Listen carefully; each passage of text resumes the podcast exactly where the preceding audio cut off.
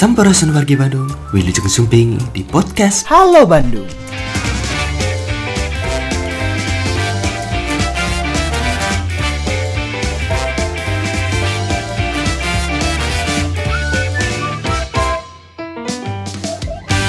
Bismillahirrahmanirrahim. Assalamualaikum warahmatullahi wabarakatuh.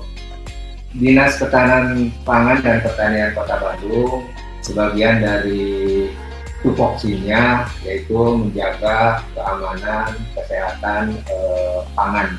Dan salah satunya menjaga kesehatan keamanan hewan. Dan lebih khusus lagi pada saat ini kita akan menghadapi Idul Kurban 2021 tentunya kita dinas eh, punya tanggung jawab dan seperti tahun-tahun sebelumnya untuk menghadapi Idul Kurban ini dari dinas kita sudah membentuk satgas atau tim namanya tim pemeriksa hewan kurban yang terdiri dari uh, staf dari dinas kemudian dibantu oleh beberapa uh, rekan dari komunitas dari PDHI Persatuan Dokter Hewan Indonesia Jawa Barat yang selalu setia juga membantu kita. Dan biasanya dibantu juga oleh teman-teman mahasiswa UNPAD tapi tahun ini mereka tidak bisa mengirimkan karena sedang pandemi. Jadi kita tim sudah terbentuk dan sudah berjalan dari tanggal 12 Juli yang lalu. Jadi tim ini tugasnya untuk melakukan pemeriksaan memastikan bahwa hewan kurban yang beredar atau yang diperjualbelikan khususnya yang ada di lingkungan kota Bandung itu diperiksa kemudian e, dinyatakan sehat dan layak. Dan tim ini dibagi ke 30 kecamatan. Satu kecamatan 2 sampai 3 orang yang berkeliling menyusuri tempat-tempat berjualan melakukan sekali lagi pemeriksaan terkait dengan kesehatan dan kelayakan hewan kurban. Dan tim melakukan pemeriksaan terhadap hewan ini sesuai dengan syariat ketentuan, ketentuan sehat dan layak. Dan setelah dinyatakan e, sehat, nanti tim ini akan memberikan kalung tanda sehat dan layak yang dipasang di leher hewan kurban apakah itu sapi, kambing atau domba. Jadi dengan melihat kalung itu membuktikan bahwa hewan itu sudah diperiksa dan sehat dan layak untuk dikurban. Sehingga masyarakat, warga, siapa pun yang akan membeli akan dengan mudah melihat eh, hewan yang sehat dan layak itu dari kalung yang sudah dipasang. Nah kemudian selain kalung juga pada tahun ini kita mengembangkan sebuah aplikasi namanya aplikasi scanner X Selamat. Kita namakan X Selamat.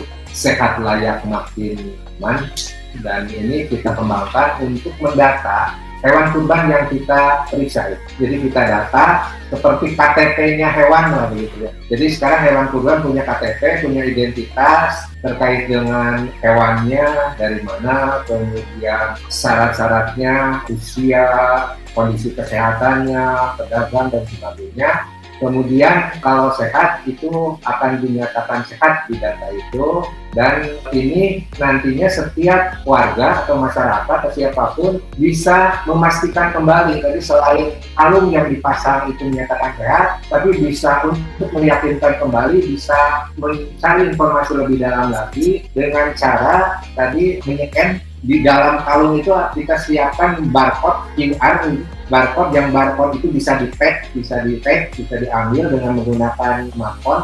Dan di sana data-data itu akan keluar. Data dari hewan kurban yang bersangkutan sampai ke foto dirinya, foto hewan kurban bahwa hewan yang dimaksud itu memang betul itu, kemudian kondisinya sehat juga akan lebih terlihat. Dan ini tentunya akan semakin memudahkan, selain memudahkan kita sebagai petugas untuk melakukan pendataan dan mengarsipkan, mendokumentasikan, juga untuk masyarakat lebih memudahkan lagi, meyakinkan. Karena selama ini ada juga isu misalnya kalung yang dipasang itu bisa dipindahkan kepada hewan yang tidak sehat. Dengan cara itu bisa dilihat nanti bisa diyakinkan kembali karena barcode ini sifatnya unik hanya untuk satu hewan. Jadi identitas hewan dengan satu barcode, satu data sehingga bisa dipastikan itu tidak akan bisa dipindah-pindah. Karena ini satu inovasi yang cukup bagus. Jadi tim hadir atau tim pemeriksa ini hadir ke dengan berbekal aplikasi itu. Biasanya memeriksa kemudian ditulis secara manual, sekarang dengan melakukan menggunakan aplikasi itu data bisa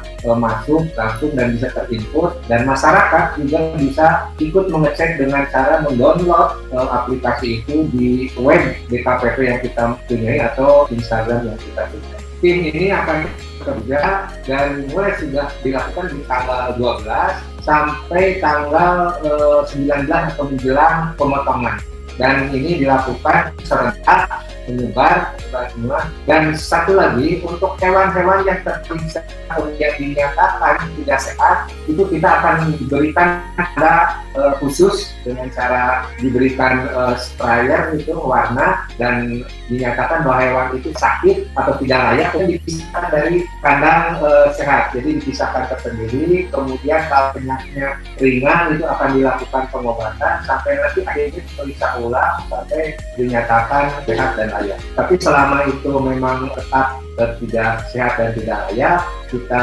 pisahkan dan kita sarankan untuk dikembalikan kepada tempat kesehatan. Nah, tim ini akan bekerja sampai hari sebelum pemotongan dan setelah itu akan dilanjutkan oleh satu tim lagi namanya tim pemeriksa postmortem. Jadi pemeriksaan hewan kurban pada saat disembelih. Jadi ada tim lagi yang memeriksa memastikan bahwa hewan itu siap untuk dipotong, dikurban, kemudian akan diperiksa nanti. Setelah dipotong kondisi dagingnya, isi tubuhnya, dan kesehatan secara umumnya. Akan kita lakukan pemeriksaan dan sama akan dinyatakan untuk bagian-bagian hewan yang terkena sakit dan tidak layak untuk dikonsumsi kita akan lakukan pemeriksaan dan pemeriksaan secara intensif. Dan itu akan dilakukan selama masa uh, pemotongan. Jadi uh, mungkin hari ke-1, ke-2, ke-3, ke-4 gitu ya.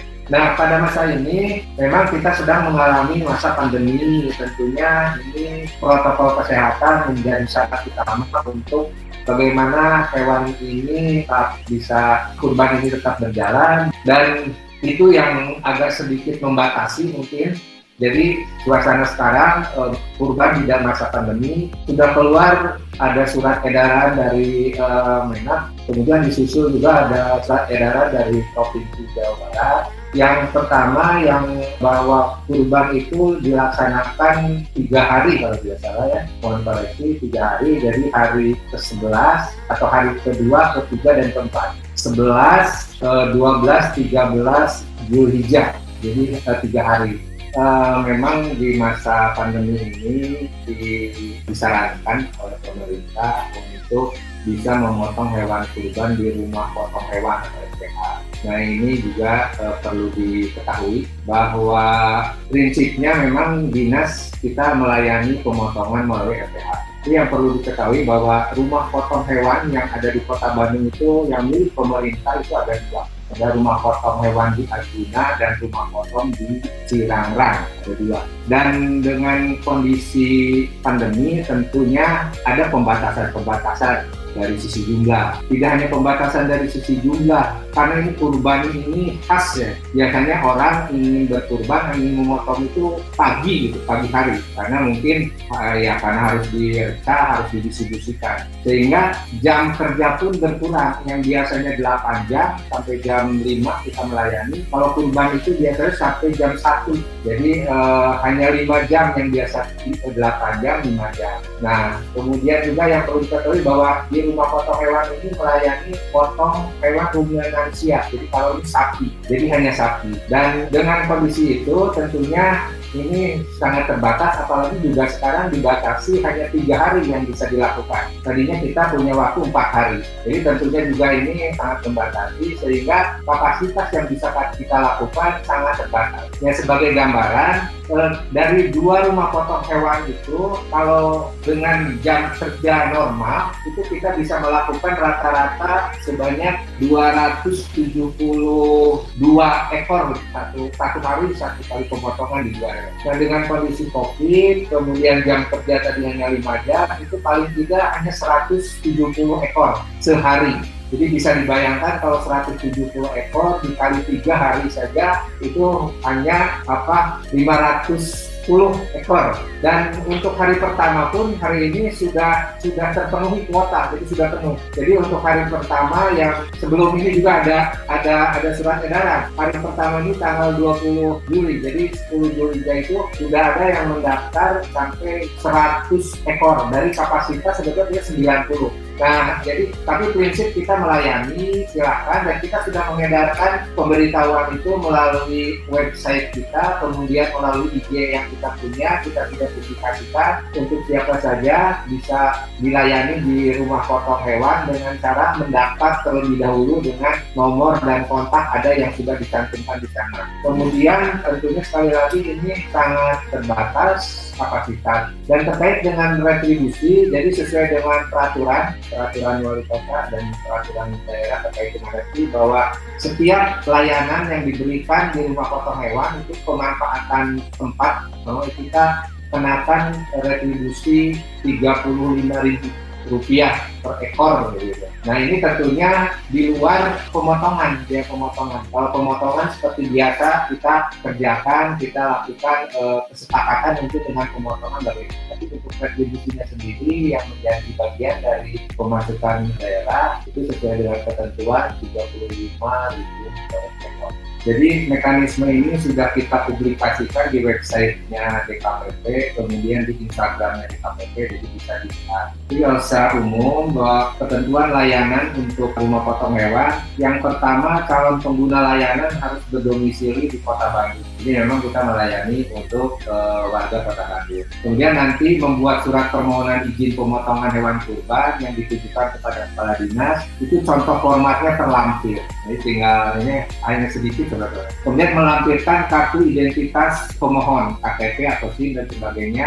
Kemudian nanti kita akan lakukan verifikasi data termasuk menyesuaikan dengan yang sudah mendata dan sebagainya. Nanti apabila terpenuhi itu akan diberitahukan. Dan untuk kontaknya bisa juga mengontak langsung kepada kepala UPT, boleh dicatat ke Pak Endang Priyatna lainnya jadi kalau komunikasi pemanfaatan ke RPA bisa kontak beliau di 0823 1664 4625 itu jadi bisa diinginkan silakan. Nanti mudah-mudahan bisa terlayani. Tapi yang prinsip sekali lagi mohon ini sudah tidak mungkin semua bisa dilayani di rumah potong hewan. Jadi kemungkinan besar layanan di luar potong hewan ini juga harus dilakukan. Dan tentunya ini perlu koordinasi kerjasama dengan berbagai pihak untuk menjaga semua pelaksanaan ini bisa berjalan aman sesuai dengan ketentuan protokol. Nah ini juga mungkin yang e, membatasi selain juga protokol kesehatan sekarang sangat ketat dilakukan untuk para penjual. Jadi para penjual sarankan berjualan di tempat yang luas terbuka dan ini kita berkoordinasi dengan rekan kewilayahan untuk memastikan bahwa tempat jualan sesuai dengan ketentuan. Kemudian menerapkan protokol kesehatan, jadi penjual, pembeli menggunakan masker, menggunakan APD eh, yang diberikan, kemudian menyediakan tempat cuci tangan di setiap penjualan, kemudian pintu masuk dan pintu keluar yang berbeda. Jadi beda masing-masing. Punya kemudian protokol kesehatan lainnya jaga jarak dan sebagainya. Ini yang yang sedikit membedakan suasana kurban tapi tim dari DKPP tim pemeriksaan terus bekerja uh, walaupun dalam suasana ini kita terus mendatangi pihak pedagang yang di, kita temui. Nah untuk gambaran sampai tanggal 14 Juli 2021 sampai jam 5.17.00 kita sudah melakukan pemeriksaan. Total keseluruhan itu sudah dilakukan pemeriksaan terhadap 3.925 ekor.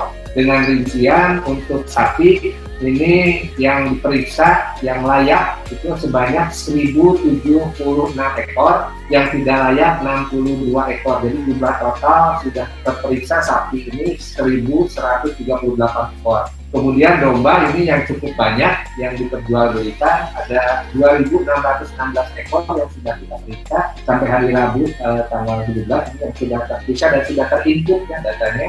Dan sekarang masih terus berjalan yang layaknya itu 2.616 maaf, ekor, kemudian tidak layak 158 ekor, jadi jumlahnya 277 ekor domba. Dan ada beberapa kambing juga yang diperiksa, ada 8 ekor yang dinyatakan layak, 5 ekor tidak layak, jumlah juga.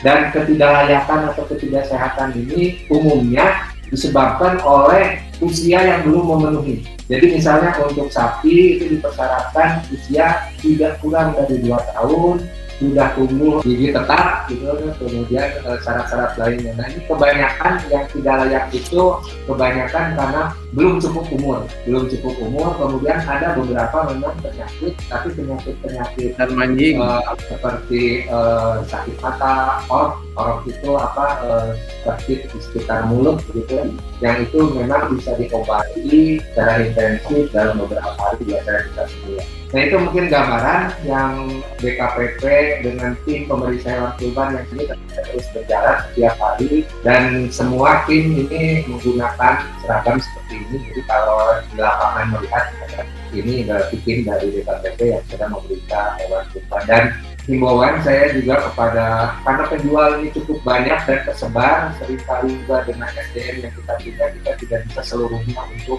memeriksa secara langsung dan dimohon kepada warga atau penjual atau siapa saja yang melihat atau ada penjual hewan kurban yang dikatakan belum dilakukan pemeriksaan itu bisa berhubungan atau berkomunikasi langsung dengan BKPP.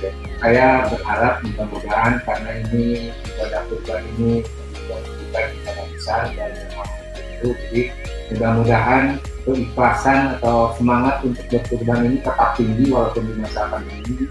Apalagi sekarang pasti banyak warga masyarakat yang membutuhkan bantuan uluran dari kita semua. Yang kedua, mudah-mudahan pelaksanaannya ini karena masa pandemi tetap mengikuti protokol kesehatan yang diarahkan dianjurkan oleh pemerintah. Semua dilakukan dengan ketat demi kebaikan dan kepada penjual hewan kurban untuk juga tetap mengikuti ketentuan dengan berkoordinasi dengan penyayaan. Kemudian untuk warga pembeli untuk menjaga hewan eh, yang dibeli itu memang sudah dinyatakan sehat dan layak dengan salah satunya melihat tanda yang sudah kita lakukan pemeriksaan. Mudah-mudahan pelaksanaan kurban di tahun ini berjalan dengan baik dan lancar.